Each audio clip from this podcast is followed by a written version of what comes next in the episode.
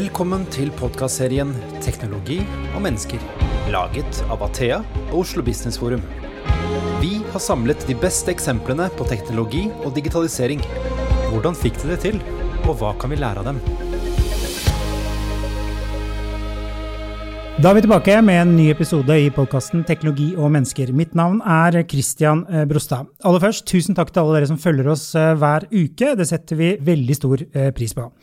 Jeg pleier jo ikke dra opp sitater fra hatten, men denne gangen har jeg faktisk valgt å gjøre det. Og det er litt småflaut for alle brukeren. Steve Jobs har laget en enkel huskeregel for å utvikle innovative tjenester. Han sier «You got to start with the customer experience and work back towards the technology». Med andre ord, det er lett å forelske seg i teknologien, og ikke så vanskelig da å, å, glemme kunden. Og det er det vi skal snakke om i dag. Så vi skal ha fått med oss to fantastiske gjester her. Vi sitter i en litt sånn bunkersfølelse her, men det er Pål Holter, som er Chief Experience Officer i Eggs. Og så har vi Endre Angelvik, som er direktør for radikal innovasjon i Ruter. Og jeg må si, Endre, jeg er veldig misunnelig på den tittelen din. Kan du ikke forklare radikal innovasjon, og direktør til og med? Ja, eh, takk for invitasjonen og takk for at vi kommer. Eh, det handler jo egentlig om, og det er viktig å si her at dette er radikale innovasjoner sett fra et ruterperspektiv. Så det er jo ikke sikkert at det vi putter i den sekken er det samme som resten av verden putter i den sekken. Så vi er foreløpig ikke kommet dit hen at vi konkurrerer med Elon Musk om, og, og SpaceX om, om, Mars og sånt noe, men det, det, kunne jo være en egen, eget tema for en gang. Eh, tanken der det, det har med innovasjoner og innovasjonsprosesser å gjøre, hvordan vi jobber i organisasjonen med det. Uh, og det for oss, og for det vi har gjort, er å definere en egen portefølje av det vi kaller for radikale innovasjoner. Og Det er ting som ligger litt lengre frem, som vi ikke nødvendigvis måler spesifikt kopier på kort sikt, og som vi ikke har noen forventninger til, men som kanskje det skjer et eller annet med, men som er viktig for ledelsen å følge med på. Som er viktig å vite noe om, og som kan bety mye for oss strategisk om to, tre år, fem år, kanskje enda lenger. Mm. Og som vi trenger å i hvert fall undersøke eller lære litt om, eller noe sånt. Så, så der er det hele toppledergruppen som sammen eier den porteføljen av radikale innovasjoner. Og så har jeg gleden av å drive det praktiske arbeidet rundt det, da, og, og fasilitere litt av prosessene rundt det der. Mm. Så det handler om å strekke innovasjonen i, i organisasjonen og, og, lage en sånn ytterkant på det ene stedet, sånn at det blir godt rom til alt det andre som skal skje i organisasjonen. Nydelig. Var det du som fant på Fant det, på, eller det, hvor kom det fra? det, det, er faktisk, eh, faktisk, inspirert fra et annet kollektivselskap, fra, fra LA Metro. Eh, som har det de kaller for eh, The Office of Extraordinary Innovation. Mm. Så eh, i forsøket på å ta en liten sånn spinn på det, da, så ble det til, på norsk litt sånn radikale innovasjoner. Mm. Så Jeg har fått spørsmål om er det finnes noen konservative innovasjoner, da, men det er kanskje en litt sånn annen annen type radikalisme og konservatisme som var påtenkt med, med den når man var der. Da. Det er nydelig. Jeg er litt misunnelig, da. Det må jeg si. Eh, jeg tenkte vi skulle starte litt sånn høyt og bredt, eh, Pål. Og eh, vi snakker om tjenesteinnovasjon, det er jo det vi skal, skal bruke neste minuttene på her. Hva liksom er kjernen i tjenesteinnovasjon? Hvis du skal definere det? Ja, Det er et stort spørsmål. Det er litt sånn hva er meningen med livet-type ja. uh, spørsmål. Og først må jeg bare si takk for at jeg fikk komme også. Det her er spennende. Min første podkast, så dette er jo yes. Uh, og også misunnelig på tittelen din med radikal innovasjon, for det er jo litt stor forskjell på jeg vil ikke si radikal kontra konservativ innovasjon, kanskje, men radikal kontra mer inkrementell innovasjon. ikke sant? Hvor Inkrementell innovasjon kan du kanskje snakke om hvis selskaper er gode til å lytte til markedet sitt, og så vil de forbedre seg hele tiden litt etter litt, avhengig av hva markedet ønsker seg. Mens radikal innovasjon, da må du være Uh, du, du, siterte Steve Jobs. Uh, det var vel, Litt for slitt. ja, ja, nei, det, det finnes jo mange sitater, ikke sant? men hva ville markedet ha spurt om? Jo, de ville hatt raskere hester. og jeg tror at hvis du skal drive med radikal innovasjon, så må du gå litt lenger enn det. Du må jobbe litt mer eksplorativt enn det. da. Eh, men bare for å si hva det i hvert fall ikke er. Så, eh, for jeg tror det er mange som tenker at innovasjon handler om å komme på sprø ideer, eller bare være utrolig kreativ. Uh, og det er det jo ikke. I hvert fall ikke fra et designståsted. Jeg representerer jo en designskole. Design thinking er på en måte metodesettet vårt. Og måten å jobbe på da er jo veldig systematisk, egentlig. Veldig rasjonelt. Så du må begynne med innsikt og være veldig åpensinnet, og så må du gå ut i markedet og prøve å finne ut hva smertepunktene er. ikke sant? Hva er problemet i utgangspunktet? Og jeg syns jo at veldig mye av innovasjonen handler om å stille de riktige spørsmålene, frame problemet egentlig på den riktige måten, eh, og så jobbe iterativt med å teste ut hva det er som er den beste responsen på den eh, smerten, eller den problem formuleringen, eller, eller, framing kaller vi det ofte da når du skal eh, prøve, å jobbe konseptuelt etter det. Uh, så det, det, vil jeg si er, er, på en måte den systematiske designtenkningsinnfallsvinkelen til det. Mm. Hva tenker du, Endre? Er det innafor? Ja, ja, absolutt. Det, når jeg sier radikal innovasjon, så er det viktig å si at det er en bit av hva vi driver med. For veldig mye av det som vi driver med i Ruta, handler jo om alle de andre tingene. Mesteparten av det vi driver med, handler om alle de andre tingene både den løpende operasjonen, de små forbedringene, justeringene, de små kneppene, den nye biten her, den nye tjenesten der, om det er en ny bussrute eller en ny feature i en app. Eller, og Det er jo alle de små tingene som hele tiden leverer på folks hverdag. Og det er jo en kontinuerlig prosess. Mm. Og den må jo være drevet fra, fra kunde og behovs- og forståelse av, av hva er smertepunkter, som, akkurat som du beskriver. Det er lov å spørre om hva, hva Ruter føler at det er liksom hovedsmertepunktene nå? altså Bortsett fra liksom at noen blir tatt i billettkontroll og sånn, selvfølgelig. Men, eh, men, det er jo litt større spørsmål enn det også, kanskje? Ja, eh, eh, vi er tydeligvis i serien for store spørsmål her. Nei da. Det jeg spoler den tilbake til, til noe høres litt, kanskje litt sånn floskelaktig ut, men vi har satt oss en visjon som heter bærekraftig bevegelsesfrihet. Og Hvis man kjenner litt på den, så for det første så er det en følelse. Det er ikke noe tjeneste eller noe leveranse, det er faktisk en opplevelse. En følelse en innbygger eller en kunde skal kunne sitte igjen med. Eh, og så er, er, det en frihet som er ganske fundamental. For, for, det er jo det det faktisk handler om. Friheten til å leve det livet du vil. Om du bor her, eller jobber der, eller skal på fotballtrening sånn, eller besøke bestemor. Liksom all, all den hverdagen og alt det som skjer. Hvordan får du til den friheten? Og Det blir jo da gjerne ofte mobilitetsting eller litt sånn praktiske ting.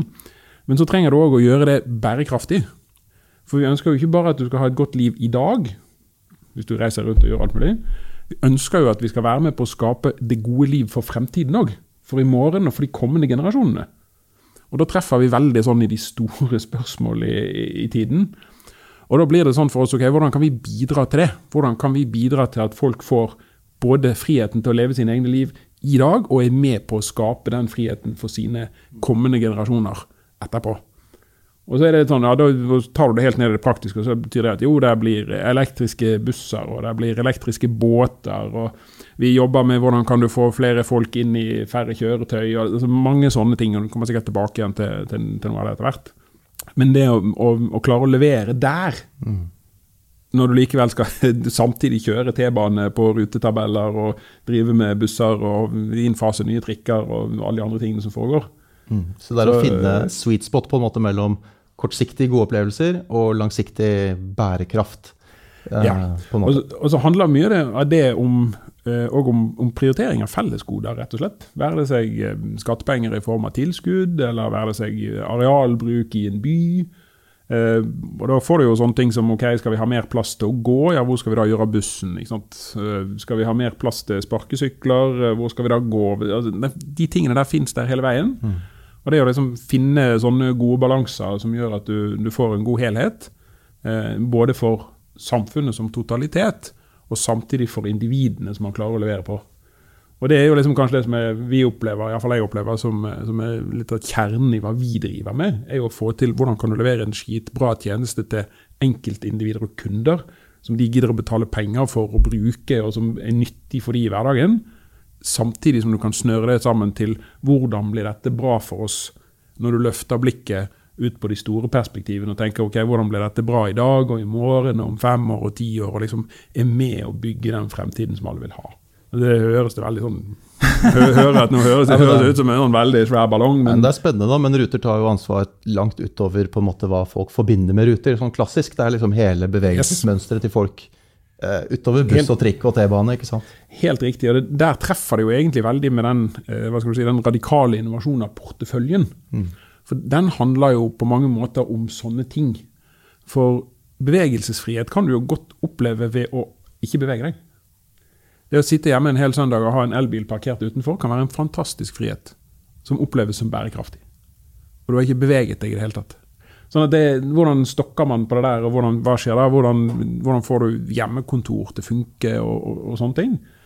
Og det er klart Når vi ser på, på porteføljen av radikale innovasjoner, så er det alt fra sånn ja, ok, nå er teknologiorientert, og selvkjøring det fomler vi jo med, så det, det kommer vi sikkert tilbake til. Og så er det sånne ting som ok, vare- og godslogistikk. Ja, personer skal hjem, eh, varer skal hjem, eh, pakker fra Posten og Amazon, alt mulig annet skal hjem. Må vi kjøre det i tre-fire forskjellige biler, eller kunne vi kjørt det litt mer sammen? For Hadde vi gjort det, så hadde vi kjørt færre kilometer, og så hadde vi brukt mindre energi. og Det hadde vært bra for verden, sånn i stort. Og folk hadde fortsatt hatt opplevelsen av å gjøre omtrent akkurat alle de samme tingene så er det ikke sikkert at pakken kom akkurat sånn som man gjorde før. Det var kanskje et kompromiss på veien for å få til bærekraften. Men hvis vi klarer å få de kompromissene til å ligge akkurat på som du sier, på sweet spots eller på riktige steder, eh, som gjør at folk er med på de, ja, da klarer vi å finne akkurat den der balansen.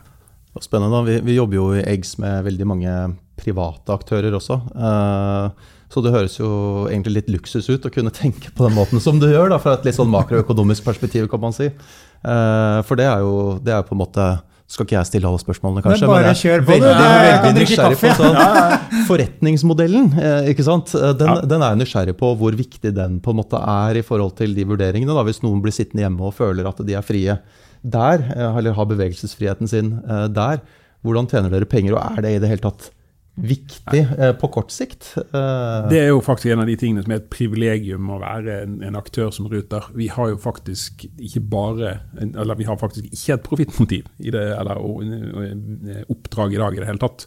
Vi er faktisk en samfunnsaktør som skal være med å levere på et samfunnsoppdrag.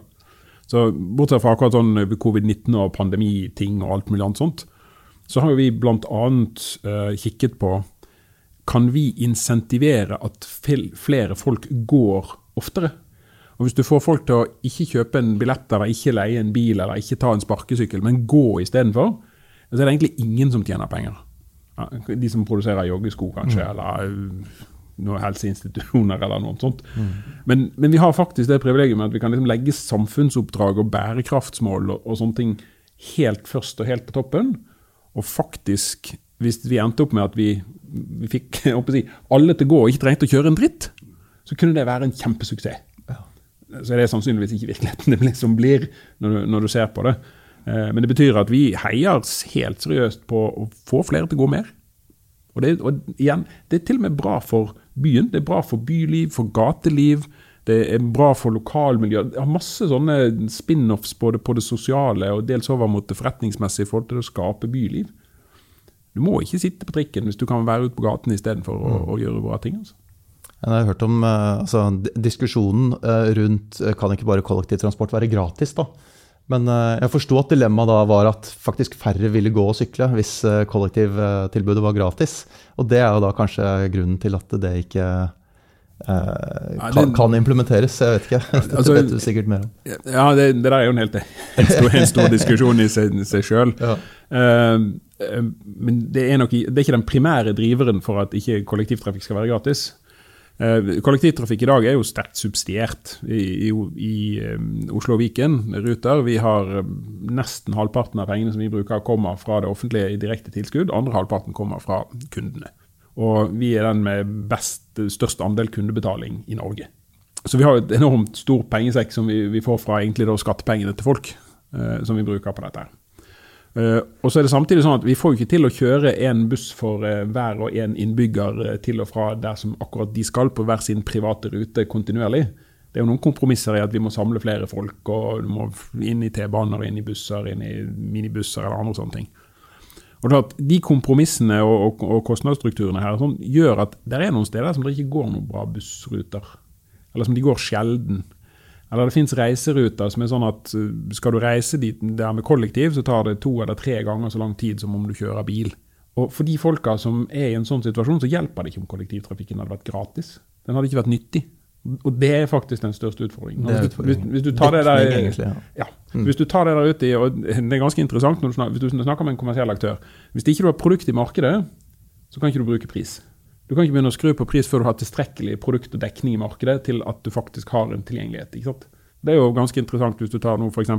sparkesykler, nå som nå er plutselig blitt veldig annerledes i Oslo i forhold til hva det var. Hvilket handlingsrom har det gitt aktørene for hvordan de jobber med, med andre virkemidler? Ja, men Anser dere det som en trussel? Er det en konkurrent på en måte, som dere vil på en måte tenke hvordan kan vi gjøre oss mer relevante i dette mikromobilitet-området? Tenk, tenk, jeg, jeg, tenker i hvert fall ikke sånn i det hele tatt. Jeg tror vi, Det der er noe som vi må samarbeide med ja. og, og, få til å bruke. Og i, i, fall i en, og i en pandemisetting så har jo det vært ettertrykkelig demonstrert. Mange har valgt å kunne reise individuelt med en sparkesykkel istedenfor å ta en buss. Rett og slett fordi det føltes greiere. Og så er det jo sånn at i rushtid så er Kollektivtrafikk er jo laget sånn at vi, vi prøver å dimensjonere etter rushtid. og Så betyr det at vi har mye ledig kapasitet resten av døgnet. Hvis vi kan ta rushtidskapasiteten vår litt ned, så blir hele systemet veldig mye billigere. Og hvis vi kan kjøre litt færre busser fordi at noen flere tar sparkesykler eller går med insentiver eller gjør noen andre ting, eller som vi nå har begynt å lære i pandemitidene, reiser på andre tidspunkter. Istedenfor å reise før eh, første møte starter, så kan du reise før lunsj istedenfor å ta andre halvdelen av dagen på jobb eller bare noen dager. Eller, det skjer mye sånt nå. Eh, og det er klart Når vi har en virkelighet òg der, hvis du ser på tallene, eh, så utgjør jo nå sparkesykler eh, på, en god, på, en god, dag så er det flere som sparkesykkelturer i Oslo, iallfall før de kom med reguleringen nå, enn det var trikketurer før covid-19. Ja, det er interessant. Så, og Samtidig så er det jo faktisk sånn at eh, en av de tingene som skaper eh, flest eh, kjipe ulykker for sparkesyklister, er trikkeskinner. Så da kan man jo spinne det videre til en interessant debatt som ikke jeg har tenkt å gå videre inn i. men, men, det sier noe hvor, hvor langt har sparkesyklene kommet. Og det, og det er jo faktisk en, en, helt reell del av mobilitetsvirkeligheten til folk. Mm. På en måte som jeg ikke tror veldig mange så for seg for to-tre to, år siden. altså. Det er spennende. Eh, vi må nesten fortsette med deg, Endre. Du er liksom på speed, og det er veldig nydelig å høre på. Altså, du beskrev at dere har laget en eller annen form for målbilde eller visjon for, ja. uh, for selskapet. Ja. Hvordan, uh, hvordan, prioriterer dere? Hvordan vet du hva som er lurt å satse på for å liksom, innfri den beskrivelsen dere har av noe der framme? Der er det, jo, det der er jo sammensatt. og Der er vi litt sånn tilbake igjen til hvilken type innovasjon og utvikling mm. jobber vi med når. For det, det, å sørge for at vi får bedre kvalitet på sanntidsinformasjonen på holdeplassene, ja, det er jo en eksisterende videreutvikling av tjenester, forbedring og treffe på kundeløfter og være troverdig og mange sånne ting eh, som er i noen prosesser og, og, og en, en, del av det eksisterende. Eh, og så driver vi òg eh, Vi har jo drevet en del både eksperimenter og utprøving. Og mye både designdrevet og, og, og med utgangspunkt i kunder. og sånn designsprinter, fem dager, klassisk sånn ja, eh, Google Sprints. Ja, Google Sprints og, og, eksperimentert mye med å, jobbe med en del av de tingene der. da. Og Vi kom jo nylig òg med en uh, ny app, der vi har prøvd å slå sammen noen ting og se om vi klarer å løfte oss videre der. Den er installert. Heia på det. Heia på det. Jeg har én klage, jeg skal ta med deg etterpå. Ja, det er bra. Det er bra. Du, du, er ikke den eneste. og Det òg er, er, jo noe som hjelper oss å finne ut av hva burde vi gjøre. Mm. For å ta det tilbake igjen til, til det du spurte om. Sånn det å forstå kunder, forstå kundebehov og som noen sier, vi, vi, må være så tett på kunden at vi kan kjenne varmen. For at vi skal kunne klare å, å, levere noe som er nyttig for folk i hverdagen. Og Når vi i tillegg skal ha folk gjerne med på en endringsreise, som er å, å få til å være mer bærekraftig, og, og, kanskje gjøre valgene litt annerledes i fremtiden enn man har gjort før, så må vi iallfall være nyttig mm. og klare å treffe der. Så det, det, er veldig sånn rundt svar. I det praktiske, hva gjør vi jo? Eksperimenter, utprøving, noe piloterer vi med hjul på bakken og, og prøver ut ting en måned, tre måneder og andre sånne ting. Mm. Noe er Google Sprint og fem dager og pappmockup som er ting. Og, så her er det en hel, helt sett av forskjellige måter vi jobber helt til eh, KVU-er og utredninger av sånn eh, Oslo-navet for de neste 50 årene med ordentlig KVU-metodikk, og hvordan bør vi designe og tenke by og region, planlegging og utvikling. Så mm. spennet her er omtrent så stort som det får til. Jeg må jo bare si, altså Fra et sånn designståsted så syns jeg jo det høres ut som en veldig moden måte å jobbe på i forhold til at altså Måten du stilte spørsmålet på, da, hvordan vet du hva som er riktig å satse på? Altså hvis, hvis, du vet hva som er riktig å satse på, så har du egentlig allerede kommet ganske langt inn i et innovasjonsforløp. For det skal jo helst begynne med at man er åpensinnet og ikke helt vet eh, hva det er man skal satse på. ikke sant? Og da, da gjør du gjerne typisk ganske mye innsikt, eh, og, og, så prøver du å frame problemet, sånn som jeg sa i sted, og så På et eller annet tidspunkt så må du jo kjøre eksperimenter da, for ja. å teste ut. og Jeg har lagt merke til at dere har kjørt noen eksperimenter, og autonome busser f.eks., og ja. eh, veldig mange andre eh, ting som jeg ikke vet om, sikkert. Så, og, og, de skal jo feile. ikke sant? Det er jo ja. meningen at Hvis man aldri feiler, så har man jo ikke prøvd eh, eh nok. ikke sant? Mm. da har man ikke vært radikal nok da, i måten man driver med innovasjon på. Så Fail forward, sier de jo i Silicon Valley. Det, det er liksom en måte å drive med innovasjon på. og Da må man ikke tro at man har svaret før man begynner, liksom. Mm. Hva er deres største feil, Endre? Fordi eh, Når du drar på foredrag og snakker om det, så er det liksom eh, fail fast eh, Det er jo den greia. Ja. Men nå kom igjen. Hva er, de, hva er, den største feilen tror du dere har gjort i Ruter, som dere har lært masse av? Det må jo være den billetten. Ja, altså, nå sitter jeg og tenker litt, for det, det, sånn, det, det, åpenbare lette svaret er liksom Flexus-historien og alt det der. Og så har den tråder tilbake til før Rutas tid og alt mulig annet sånt nå. Og den har masse sånn klassiske tre. Jeg tror til og med den nå inngår som eksempel på hvordan man ikke skal kjøre prosjekter på sånn IT-lærebøker og sånn. Så, så, den er jo ettertrykkelig havnet der. Uh, så det er nok den største og den letteste å, å, å se. Eh, og så er det litt sånn hvis du skulle bli liten, prøve å si er det noe annet eller noe, noe, mer eller noe andre sånne ting, så det er kanskje ikke noe som akkurat nå melder seg som sånn veldig sånn, sånn tydelig, men eh, det er jo noe å, å, å, klare å få til å transformere oss sjøl og flytte oss sjøl i takt med den både hva som skjer rundt oss, og, og som, som noen sier, ikke ende opp som en dinosaur, men som noen som faktisk klarer å utvikle seg, det er kanskje den, den største utfordringen vi står i. Eh, og det er jo noe som du ene dagen lykkes litt med, andre dagen så lykkes du ikke så godt med det. Og tredje dagen så er det bare pist og møkkleie hele greia, for det kom ingen vei. og så uken etter så er det liksom Yes, der var noe som beveget seg, og vi traff og, og litt sånn. og da går man og vandrer i, i hele det registeret og hele spekteret der eh, egentlig hele tiden. og Litt ulike deler av organisasjonen og ulike ting til, til litt ulike tider, tror jeg. da. Så ehm, jeg vet ikke om jeg har noe bedre svar akkurat nå. og så vil det jo være interessant å stille akkurat det spørsmålet gjennom en fem til ti år og se. Hva, hva, ville vi da få som svar? For det kunne jo hende at f.eks. det vi har gjort på selvkjøring, viser seg å være kjempebom. Verden ble fullstendig annerledes enn vi så for oss, og det var bortkasta penger og alt mulig sånt. Eller det kan vise seg at det var kjempesmart. Og det vet vi rett og slett ikke svaret på noe. Jeg var på en uh, forelesning med Bett Stensen for uh, noen år siden, som jeg tror ledet uh, tjeneste... ja, ja. Tjenesteutvikling, var det det? Ja. Hun, hun, kom med en litt sånn god selvironisk frase da. Hun sa at Ruter sin strategi det er å ta folk fra der hvor de ikke er, til dit hvor de ikke skal. og det, det, høres jo litt stygt sagt ut, men det var vel en slags poke for å på en måte få litt sånn fart på den tjenesteinnovasjonen, det var. Ja, men, det, men det er jo litt sånn hvis du ser på hvor, hvor er det vi kjører fra? Ja. Vi kjører fra en holdeplass. Det er ingen kunder som i utgangspunktet bor på en holdeplass, eller ja, noen har en ganske nære. Men, men, det er jo ikke der kundene våre er. Kundene våre er hjemme eller på jobben eller et eller annet annet sted. Og, så, og Da er vi jo egentlig i disse kompromisslandskapene. Hvordan har vi, har vi skapt kompromisser underveis? Og så ser vi at um, på veldig mange områder, uh, både knyttet til frihet og knyttet til bærekraft, uh, så er privatbilen både, den er iallfall ekstremt frihetsskapende. Han har hatt 100 år med kontinuerlig produktutvikling og masse konkurranse og blitt et fantastisk fleksibelt virkemiddel. Snakket med en brite sa at ja, to ganger i året så flyttet han bikuber med bilen sin. Ja, det er litt sånn ute i det ekstreme hva du kan bruke, men liksom, bil kan brukes til alt. Og så skal du konkurrere med det. Hvordan skal du skape den samme friheten? Du kan ikke akkurat ta med deg bikubene på bussen. Ja. Det, det, da må vi ha en eller annen løsning for det. det for det handler jo om å, å fortsatt beholde den, den friheten. Eh, så, men det, det utsagnet er jo veldig sånn Ja, vi, det er det vi har gjort. Og så må vi løfte blikket og, og, og komme lenger. Og, og, bevege oss derfra. Det er jo noen trender som spiller på lag med Ruter. da, tenker jeg for At folk er ikke så opptatt av å eie bil lenger. ikke sant? Man er jo mer opptatt av bare å ha det tilgjengelig.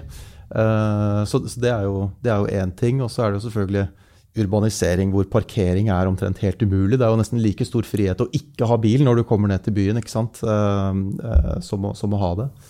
Men det, men det, er, litt interessant, for det der er litt spørsmål om hvilken by.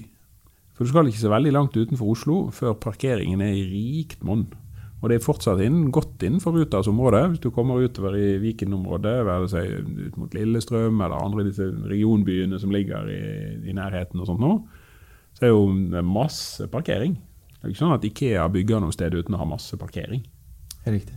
Sånn at det, det der er litt sånn spennende, for det er òg en sånn utfordring for oss da, at de tingene som er både løsninger og, eh, og utfordringer, for å ta tilbake til kundenes behov, i en, en, en, større by eller mer tettbefolket urbant strøk som Oslo, som jo er en sånn one of a kind i Norge, det er ikke det samme som Lille, på Lillestrøm eller i Kristiansand eller på Ski eller litt sånt noe. Så da er det jo veldig kult at vi nå kan Akkurat nå driver vi selvkjøringsutprøving på Ski. Ja. Ikke i Oslo sentrum, men på Ski.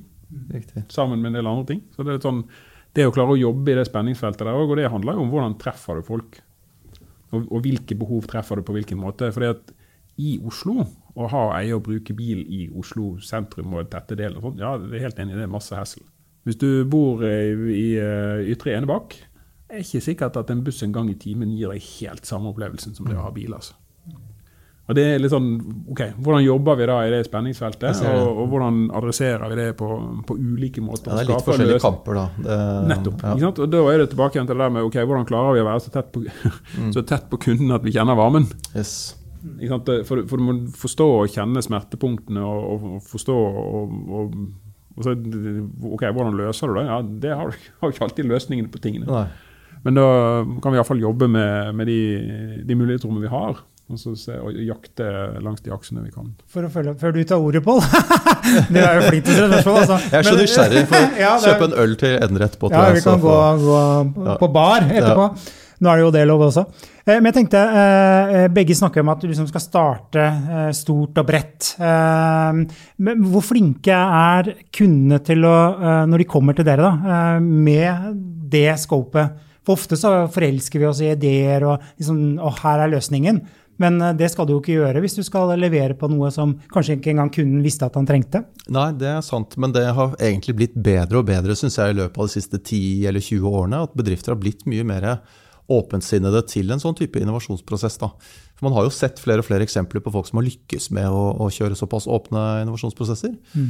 Men eh, for, for, jeg syns jo det at uh, den åpensinnetheten, eller den måten å uh, se et problem gjennom litt flere, forskjellige typer linser, da, det er en veldig viktig og god egenskap. Uh, når man skal kjøre innovasjon, sånn som du presenterer nå. at eh, liksom, jeg, jeg, er veldig sånn, jeg ser verden fra mitt perspektiv. Jeg skal ned til Oslo sentrum hver dag. Eh, jeg tenker at det er det som er hovedproblemet. Eh, men, men du kjenner jo markedet litt bedre, ikke sant? så du, du, du, vet at det er forskjellige typer segmenter. Vi jobbet med Oslo lufthavn en gang. og, og fant ut at Vi gikk bort fra den klassiske segmenteringen hvor du har liksom reisende med barn eller eldre eller folk med bevegelsesutfordringer. Istedenfor begynte vi å segmentere med folk som var i i flyt og skulle effektivt gjennom, var liksom én gruppe. Mens folk som hadde panikk, var en helt annen gruppe, som trengte en helt annen type tilrettelegging. Og det mm. var en meningsfull måte å segmentere eh, brukergruppene da, i den konteksten, og snudde opp ned på hele kreativitetsprosessen, egentlig, og, og var veldig meningsfull. da. Eh, så vi har sånn, eh, litt sånn klassisk vasemetafor som vi bruker noen ganger hvis folk skal drive med innovasjon, og de kommer med et veldig sånn tydelig definert problemstilling. Og det er litt sånn, Hvis du lukker øynene dine og du får oppgaven 'design en vakker blomstervase'. Hvis folk får den problemstillingen, så blir nesten alle de blomstervasene blir nesten helt like. De blir litt sånn symmetriske, og du får en bukett oppi, og, og den var fin, liksom. Kanskje du velger en spennende farge. Uh, men hvis problemstillingen er design en ny måte å oppleve blomster i hjemmet på, det er konkret nok, men mm. fremdeles såpass åpent at det, liksom, det kreative spillerommet blir mye mer interessant. Uh, så det, det, å få, det, å få, hjelp til å frame problemet Det er flere av kundene som kommer til oss og sier at vet hva, vi vet ikke helt hva problemet er. Vi, kjø, vi, vi føler noen pains, men de trenger hjelp til å artikulere problemstillingen. Og da, da begynner det på riktig måte, da, syns jeg. Mm. Jeg heier på det der. for Jeg, synes, jeg kjenner det der veldig igjen. for jeg, jeg, I utgangspunktet er jeg teknolog. Jeg har jobbet med teknologi og IT og utvikling av datasystemer i mange år. Og brukere som da, er liksom klassisk Jo, jeg vil ha en grønn knapp. Ja. Og så er det liksom OK, hvordan klarer du da å ta et, et sånt utsagn som deres beste forsøk på å forsøke å artikulere et behov på? Og klare å få de med på at uh, jo, de har egentlig artikulert et behov, men gjennom en løsning. Mm. Hvordan får du dem med i en prosess som gjør at okay, du kan komme nærmere behovet, og ikke bare løpe etter akkurat den løsningskomponenten. For det fins et behov der, det fins noe der. Men det har bare ikke kommet ut på en måte som åpner løsningslandskapet mm. nok. Mm. For Det kan godt hende at du ikke trenger den grønne knappen, den klassen, trenger ikke den grønne knappen, trenger et eller annet helt annet. Som mm. gjør at du aldri trenger en knapp i det hele tatt. Riktig. Det, men, men, ja. Hvor kommer men, det fra, det behovet, er liksom det riktige spørsmålet. da. Ja, så, ja. Og da er det litt sånn tilbake igjen til eh, Hvis du skal dra tilbake igjen til Steve Jobs, da. Bruke han som sånn eksempel. Fantastisk Fantastiløse. Ja, det, men det er sånn, ok, hvem, hvem hadde behov for en iPhone? Eller hvem hadde behov for en iPod? Altså, jo, det behovet fantes jo der, men det fantes jo ikke artikulert som det produktet eller den tjenesten eller det, det de skapte. Mm. Det er jo liksom akkurat der. Hvordan får du det til? Så Hvis jeg drar det tilbake igjen til oss, da liksom, ja, ok, eh, kanskje det smarteste vi kan gjøre, er å få folk til å reise mindre og skaffe oss mindre inntekter. Kanskje, Da er det jo ekstremt kontraintuitiv. Ja. Mm. Og så er det en av de særtrekkene vi har som en sånn offentlig aktør kontra en kommersiell aktør. For det, Der må du alltid balansere de tingene. Du blir mm. aldri kvitt eh, det, det den kommersielle dimensjonen. Ja. Selv om du har samfunnsdimensjoner i tillegg, så er det ikke alltid de er først. De er ofte mer med på laget og enabler og nødvendig for å få til noen ting, men profitten ikke er der som en, et element. Mm. Ja, så blir diskusjonen litt vanskeligere. Hvorfor skal noen putte penger i det? Da Da må det bli en stiftelse eller noe sånt. Være eh, han eh, Mr. Microsoft som nå bare deler ut penger. Ja. Ja, han uh, Gud. Ja. vi vet. Det, vi ja, vet. det sto jeg helt stille et øyeblikk. Ja. Bill Gates, tenk på. Ja, mm. ja Bill Gates. Når, når, du, når du kommer dit at du har så mye penger at du bare kan sitte og dele de ut til smarte ting som du syns forbedrer verden, så yes. det, da er det greit. Da, da, trenger du ikke tenke så mye på det. Nei. Men uh, alle de andre som skal levere avkastning, de må, og har investorer, de må ha, ha den dimensjonen med. Mm. Mm. Nei, det, er, eh, det er det nydelige med makroøkonomi, å kunne tenke på ting som kanskje får en gevinst om en generasjon. Og det, ja. det, det er mange designere som elsker eh, den type ideologisk tilnærming til ting, da, men eh, det blir en luksus for veldig mange private aktører. Endre, du nevnte tidligere, eller i det mobilitetsbildet her, selvkjørende biler, selvkjørende busser. Dere hadde jo en pilot på det. Men ja. Hvordan gikk det, egentlig? Vi syns det, det, både gikk og går fortsatt, ja. for vi kjører fortsatt. Eh, vi, har hatt, eh, vi er vel inne i fjerde, eh, fjerde iterasjonen på det der. Og vi er kommet så langt at vi har satt den første selvkjørende bussen på museum. Okay. Bare sånn for liksom, i, i, dette med å drive iterativt og liksom hvordan ting flytter seg og litt sånn, så den, den, de aller første bussene vi kjørte på, de første vi kjørte, kjørte på Vippetangen. Mm. Og disse røde boksene og sånn som kjørte frem og tilbake. Nå kjører vi en helt ordinær eh, Toyota-bil som er utrusta med en digital sjåfør og driver og surrer rundt ute på ski. Og på Viptangen så kjørte vi 18 km opp til 18 km i timen. Nå kjører vi 30 km i timen og håper å kjøre mer. Mm. Så for oss er jo det der en sånn eh, en, en del av eh, det som ligger i radikale innovasjoner, som er en, en litt sånn langsiktig tenkning eh, i forhold til at her kommer det til å komme noe, tror vi. Her kommer det til å skje ting. Så vet vi ikke akkurat når eller på akkurat hvilken måte, men vi kan ikke vente til det har begynt å skje. Da kommer vi til å være bakpå og, og som en del av, av fellesskapet. Mm. Ikke kunne ta en rolle i hvordan det blir. Da, da vil spille seg ut helt annerledes. Så vi har lært veldig masse. Og vi har òg lært det at eh, folk syns i større og større grad at jo, dette er egentlig OK. Det oppleves faktisk som trygt. Og vi hadde, vi hadde et sånt Vi har jo en sånn sikkerhetssjåfør om bord, og det er masse tillatelser, og vi definerte rammer for hvordan vi skal gjøre dette. Og Så er vi selvfølgelig nysgjerrig på ja, men hva hvis det bare står en eh, tom selvkjørende buss der. Så vi, eh, gjorde noen sånne eksperimenter der vi lot sikkerhetssjåføren være kledd som eh, ordinære passasjerer, og litt sånn prøvde å gjøre det her sånn passe diskré, som det ikke skulle se ut som noe. Og det, det, som var fascinerende, var at uh, folk gikk inn i den selvkjørende bussen og liksom, ja, kan vi kjøre noe? Liksom, ja, kan vi snakke til den? Hallo, kjør! altså litt sånn, Jeg ser du liksom hvordan stemmestyringsdimensjonen og læringen fra sånne systemer liksom slår inn i hvordan folk begynner å forholde seg til det. Så, og, vi, og, så var selvfølgelig sikkerhetssjåføren med og var en av passasjerene, og så kjørte vi noen stopp. og alt sånt, Men det, det, fungerte overraskende bra, og folk var i stor grad positive. Og hvis det var flere som var med på turen, så var folk helt klar for å kjøre dem med den bussen uten at de visste at det var en sikkerhetssjåfør om bord, f.eks. Men er, det foreløpig på et nivå som er sånn, en slags attraksjon fordi den er selvkjørende, og derfor vil folk oppleve det, eller har den en nyttefunksjon som en del av infrastrukturen? Ja, det er et veld, veldig godt spørsmål. Ja. Vi jakta jo på den nytten. Ja. Uh, og klart den, Det aller første vi gjorde uh, på Vippetangen, det hadde nok en god bit sånn attraksjonselement. Altså kjøre fra på Vippetangen til Rådhusplassen. og sånn, Det er liksom, ok, det er begrenset hvor mange som daglig har sin pendletur der. Mm. Uh, men runde to så kjørte vi på, på Ormøya. Og Der har vi i utgangspunktet en ordinær bussrute som kjører inn og ut av Oslo, og så kjører han utom Åmøya Ormøya på veien. Og Det er jo en sånn kjempeomvei for den bussen. Og Hvis vi istedenfor kunne ha en liten buss som kjørte den lille stikkbiten uh, ut på øyene der, som gjorde at vi ikke trengte å ta alle de andre passasjerene med på den turen ut dit og tilbake igjen, og forlenge deres reise, uh, så, så, hadde det vært kjempebra. Så der kjørte vi en, en periode. Uh, igjen ser vi at vi, vi, må litt lenger med hastighet og teknologi, og sånt, men da er vi akkurat ute på klarer vi å ta nytte. Ja. Og, og, Hvis vi kan gjøre sånne ting og få sånne operasjoner stabile i, i områder med hastigheter opp til 30 km i timen, som det er en del av sånn, du kommer i boligfelt og, og, og der det er begrensninger på trafikk av litt ulike årsaker, ja, så begynner dette å bli nyttig. Da kan vi faktisk sette det i ordinær produksjon. Fortsatt så driver jeg dette som utprøving og eksperimenter og pilotering, og vi lærer og masse sånt. Mm. Men målet er jo at vi egentlig, om mulig i morgen, kunne satt noe av dette i ordinær produksjon og gjort det til en ordinær del av tilbudet. Mm. Men vi er, vi er, ikke helt der at vi har liksom, eh, kommet dit med alt ennå. Men eh, hvis vi klarer å nærme oss 50 eh, km i timen, så begynner vi å komme til en situasjon som eh, altså et sted mellom 30 og 50. Da funker det trafikalt, og du kan kjøre mange flere steder og litt sånn. så...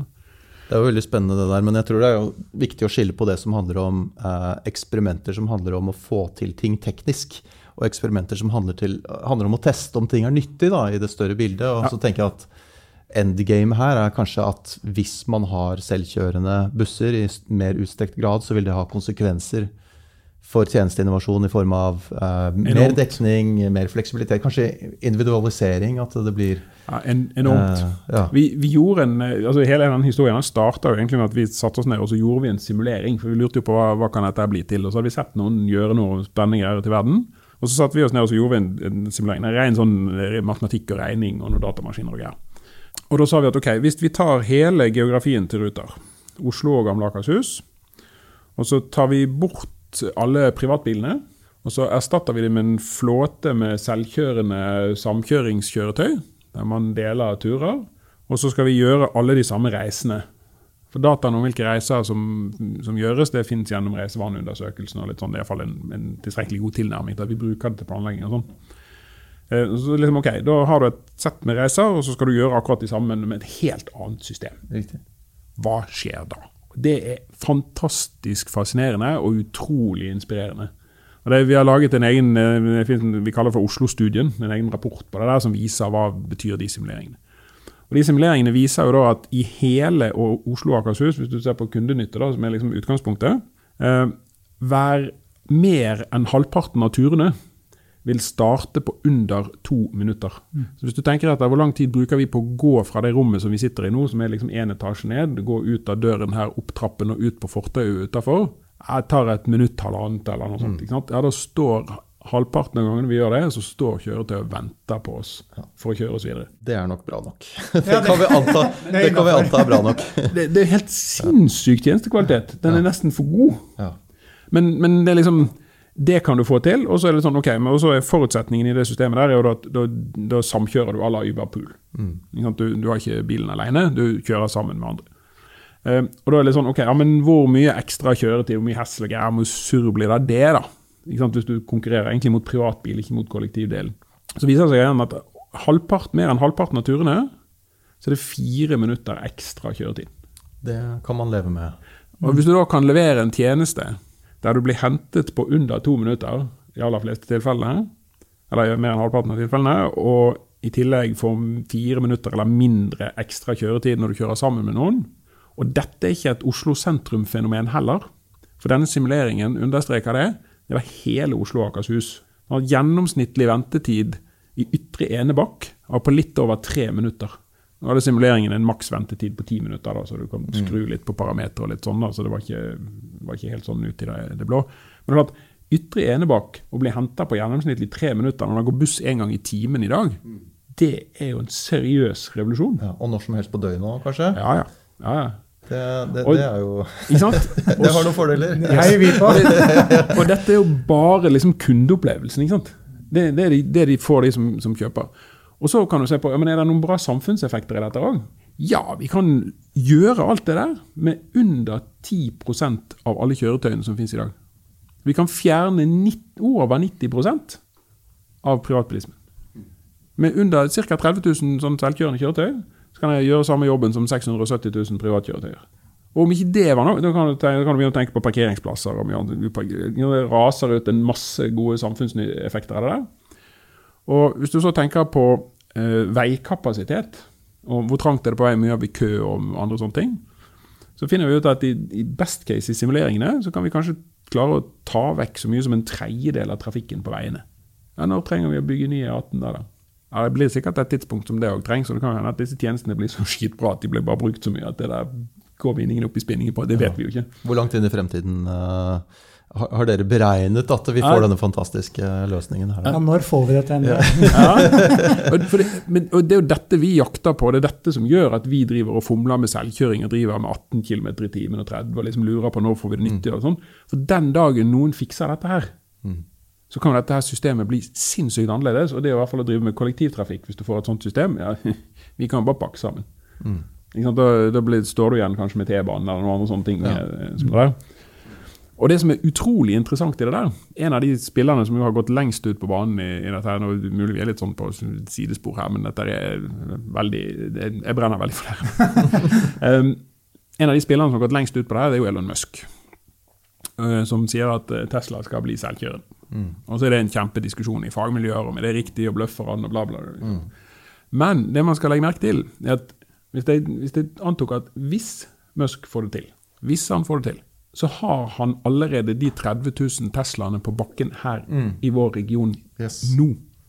For de har vi allerede kjøpt. Ja. Så han blir ruter, han da. Og han har, for alle som har kjøpt selvkjøringskomponenten til de, så har han eneretten til å bruke den selvkjøringen til å tjene penger. Så du kan ikke som privatperson, hvis du har kjøpt en Tesla med selvkjøring, leie ut selvkjøringsdelen til Du kan låne den ut til kompiser og familie og sånn. Men det, der? Det er klart at hvis noen mer eller mindre bokstavelig talt over natten kan levere en tjeneste som gjør å ligne på noe sånt som det der, eller i løpet av to-tre år etablere noe som du vanligvis ville tenkt deg, ja, der må du ha kapital og investeringer og ta tid å bygge opp om aktører og tar 10-15 år, og vi kan regulere litt på veien og sånn. Hvis noen klarer å lage en sånn sparkesykkeleffekt på det der, og hvis Elon Musk får det til i 2025 eller 2027, ja, hvordan skal vi tenke som sitter og bruker tre år på å lage en ti års busskontrakt? Ja. Mm. Yes.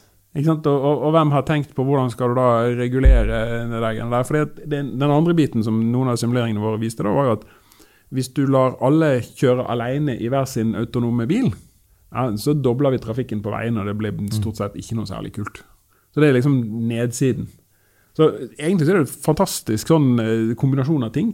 Skitbra tjenester til kundene, som er bedre enn mye av det du får. Tilvis er det til og med bedre enn å ha en privat bil. Du slipper all hasselen med å ha bil, og du får, kan få en tjeneste med en kvalitet som er helt vill. Eh, og samtidig så kan du få samfunnsnytte og gode samfunnseffekter for fellesskapet. Færre biler, mindre parkering, mindre trafikk og masse annet sånt. nå. Og så kan vi bruke mindre av fellesskapets penger på dette. her. Så det er liksom sånn, Hvorfor i all verden skulle vi ikke ønske oss det der? Hvorfor skulle vi ikke gjøre alt som er mulig for å få det snarest mulig? Vi kommer jo kanskje litt inn på den diskusjonen Vi som om vi har om holdt på en eh, time snart. Ja, den, eh, det er, eh, Det er jo interessant, da. Denne, denne plattformdiskusjonen er jo litt interessant i forbindelse med det du sier der. Da, for det er jo litt sånn hvis man som en reisende ønsker seg å bli tatt fra A til Å, og eh, kanskje du trenger flere transportmidler på en eller annen måte. Liksom hele den end-to-end-service handler jo kanskje om et samarbeid da, mellom flere aktører. Ja. Ser Ruter for seg å bli en plattformaktør som går utover Ruters domene nå? Eh, Men som ville kunne ta inn over seg sånne type teknologier som det der. Da. Det syns jeg er litt interessant. Unnskyld, nå tok jeg ordet igjen, altså. Det går Ja, så det bra. er- Det er bare å snakke. Ja, det er, det er jo noe, altså vi, vi driver og ser på og undersøker de tingene der, og så er jo svaret på det der er ikke nødvendigvis gitt verken den eller andre veien, for vi vet jo ikke hvordan disse tingene går. Eh, på mange måter så er vi jo en slags plattform i dag, hvis du teller etter. Eh, vi, har, eh, vi driver med båt, vi driver med T-bane, trikk, buss. Vi har òg minibusser og vi har taxier på, som vi bruker til en del av tjenester til tider. Og vi jakter nå på å ha bl.a. en utprøving sammen med, med Tier i Bærum på sykkel- og mikromobilitet. Og for, for, oss så handler jo alt det der om hvordan får vi til den der bærekraftige bevegelsesfriheten. ikke sant? Og hvis det inneholder mer greier eller andre biter, eller folk går mer eller gjør noe annet mer, eller mm. sånt, ja, men alt vi kan gjøre som bidrar til det, det er med på å levere på vårt oppdrag. Mm.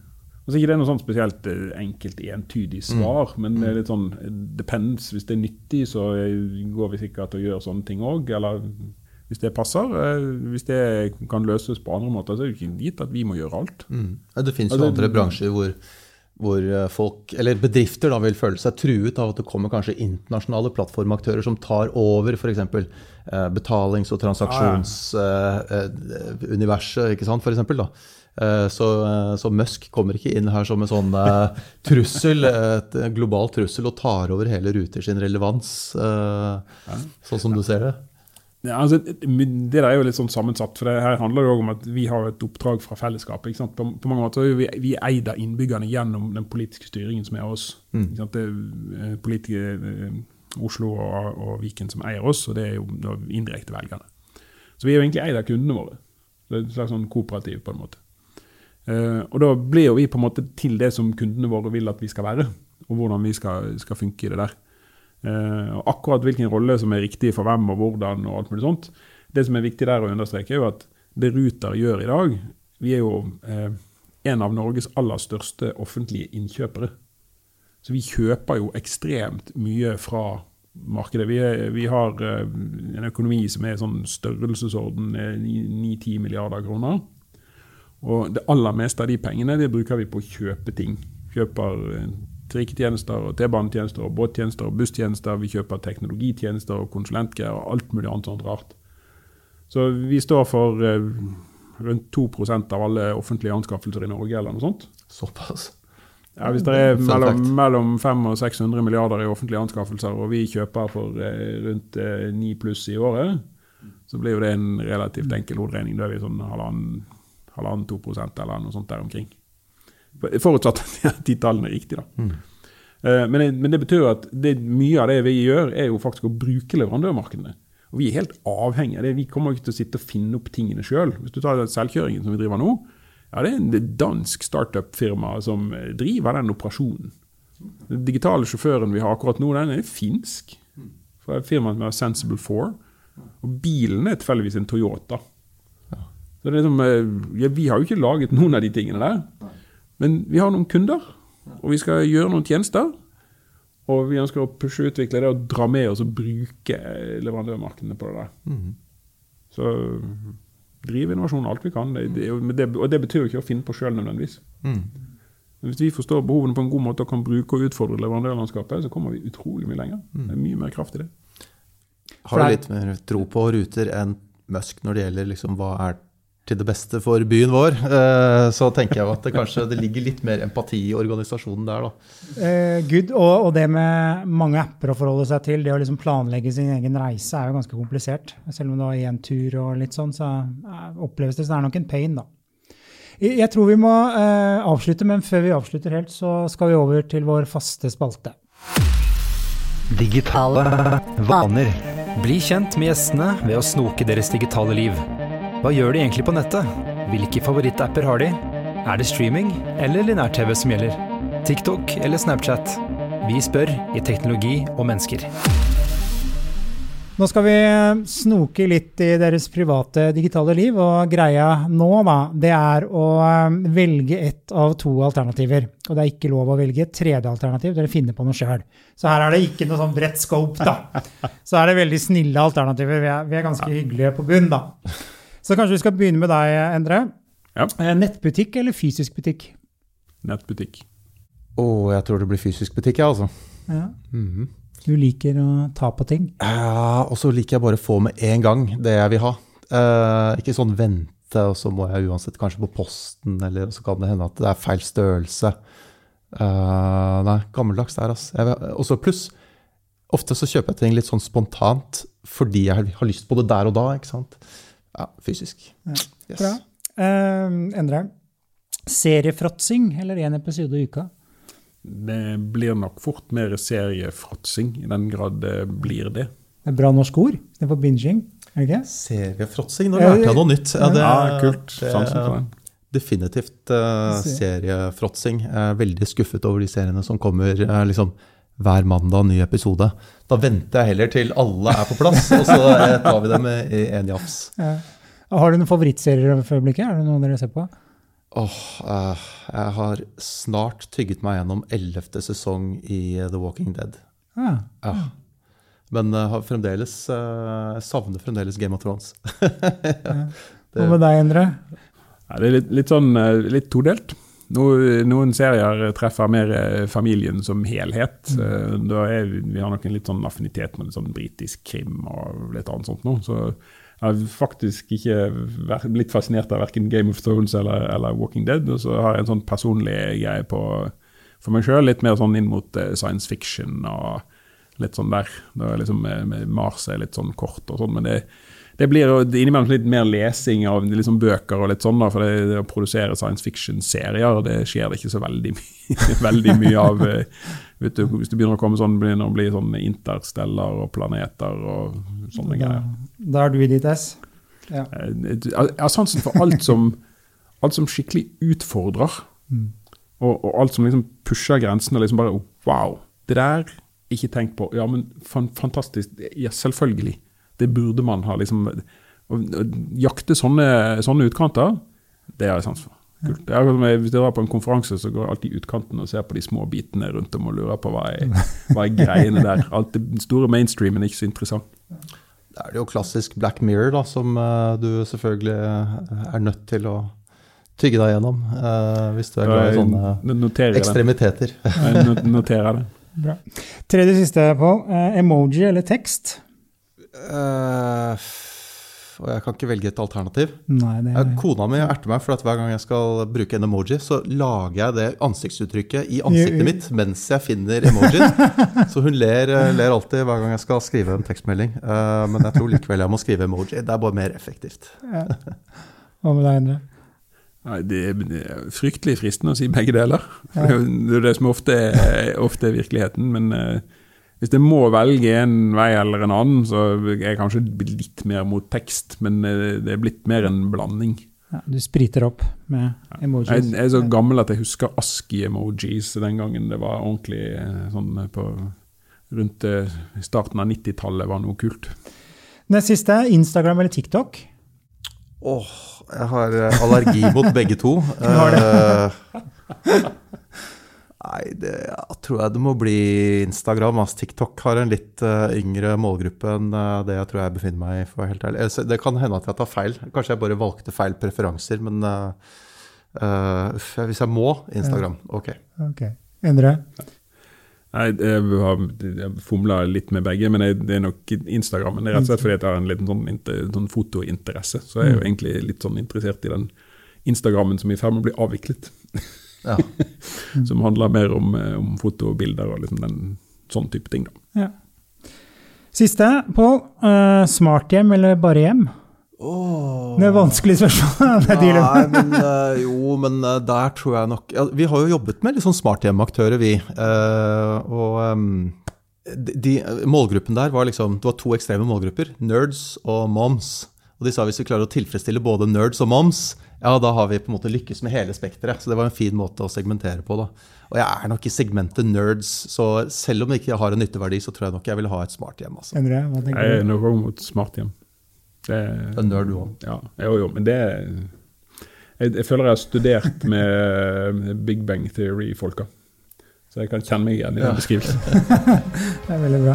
Pål og Endre, tusen takk for at dere kunne være med. Og jeg har i hvert fall blitt lysten på å dykke ned i mer av de temaene som vi har snakket om.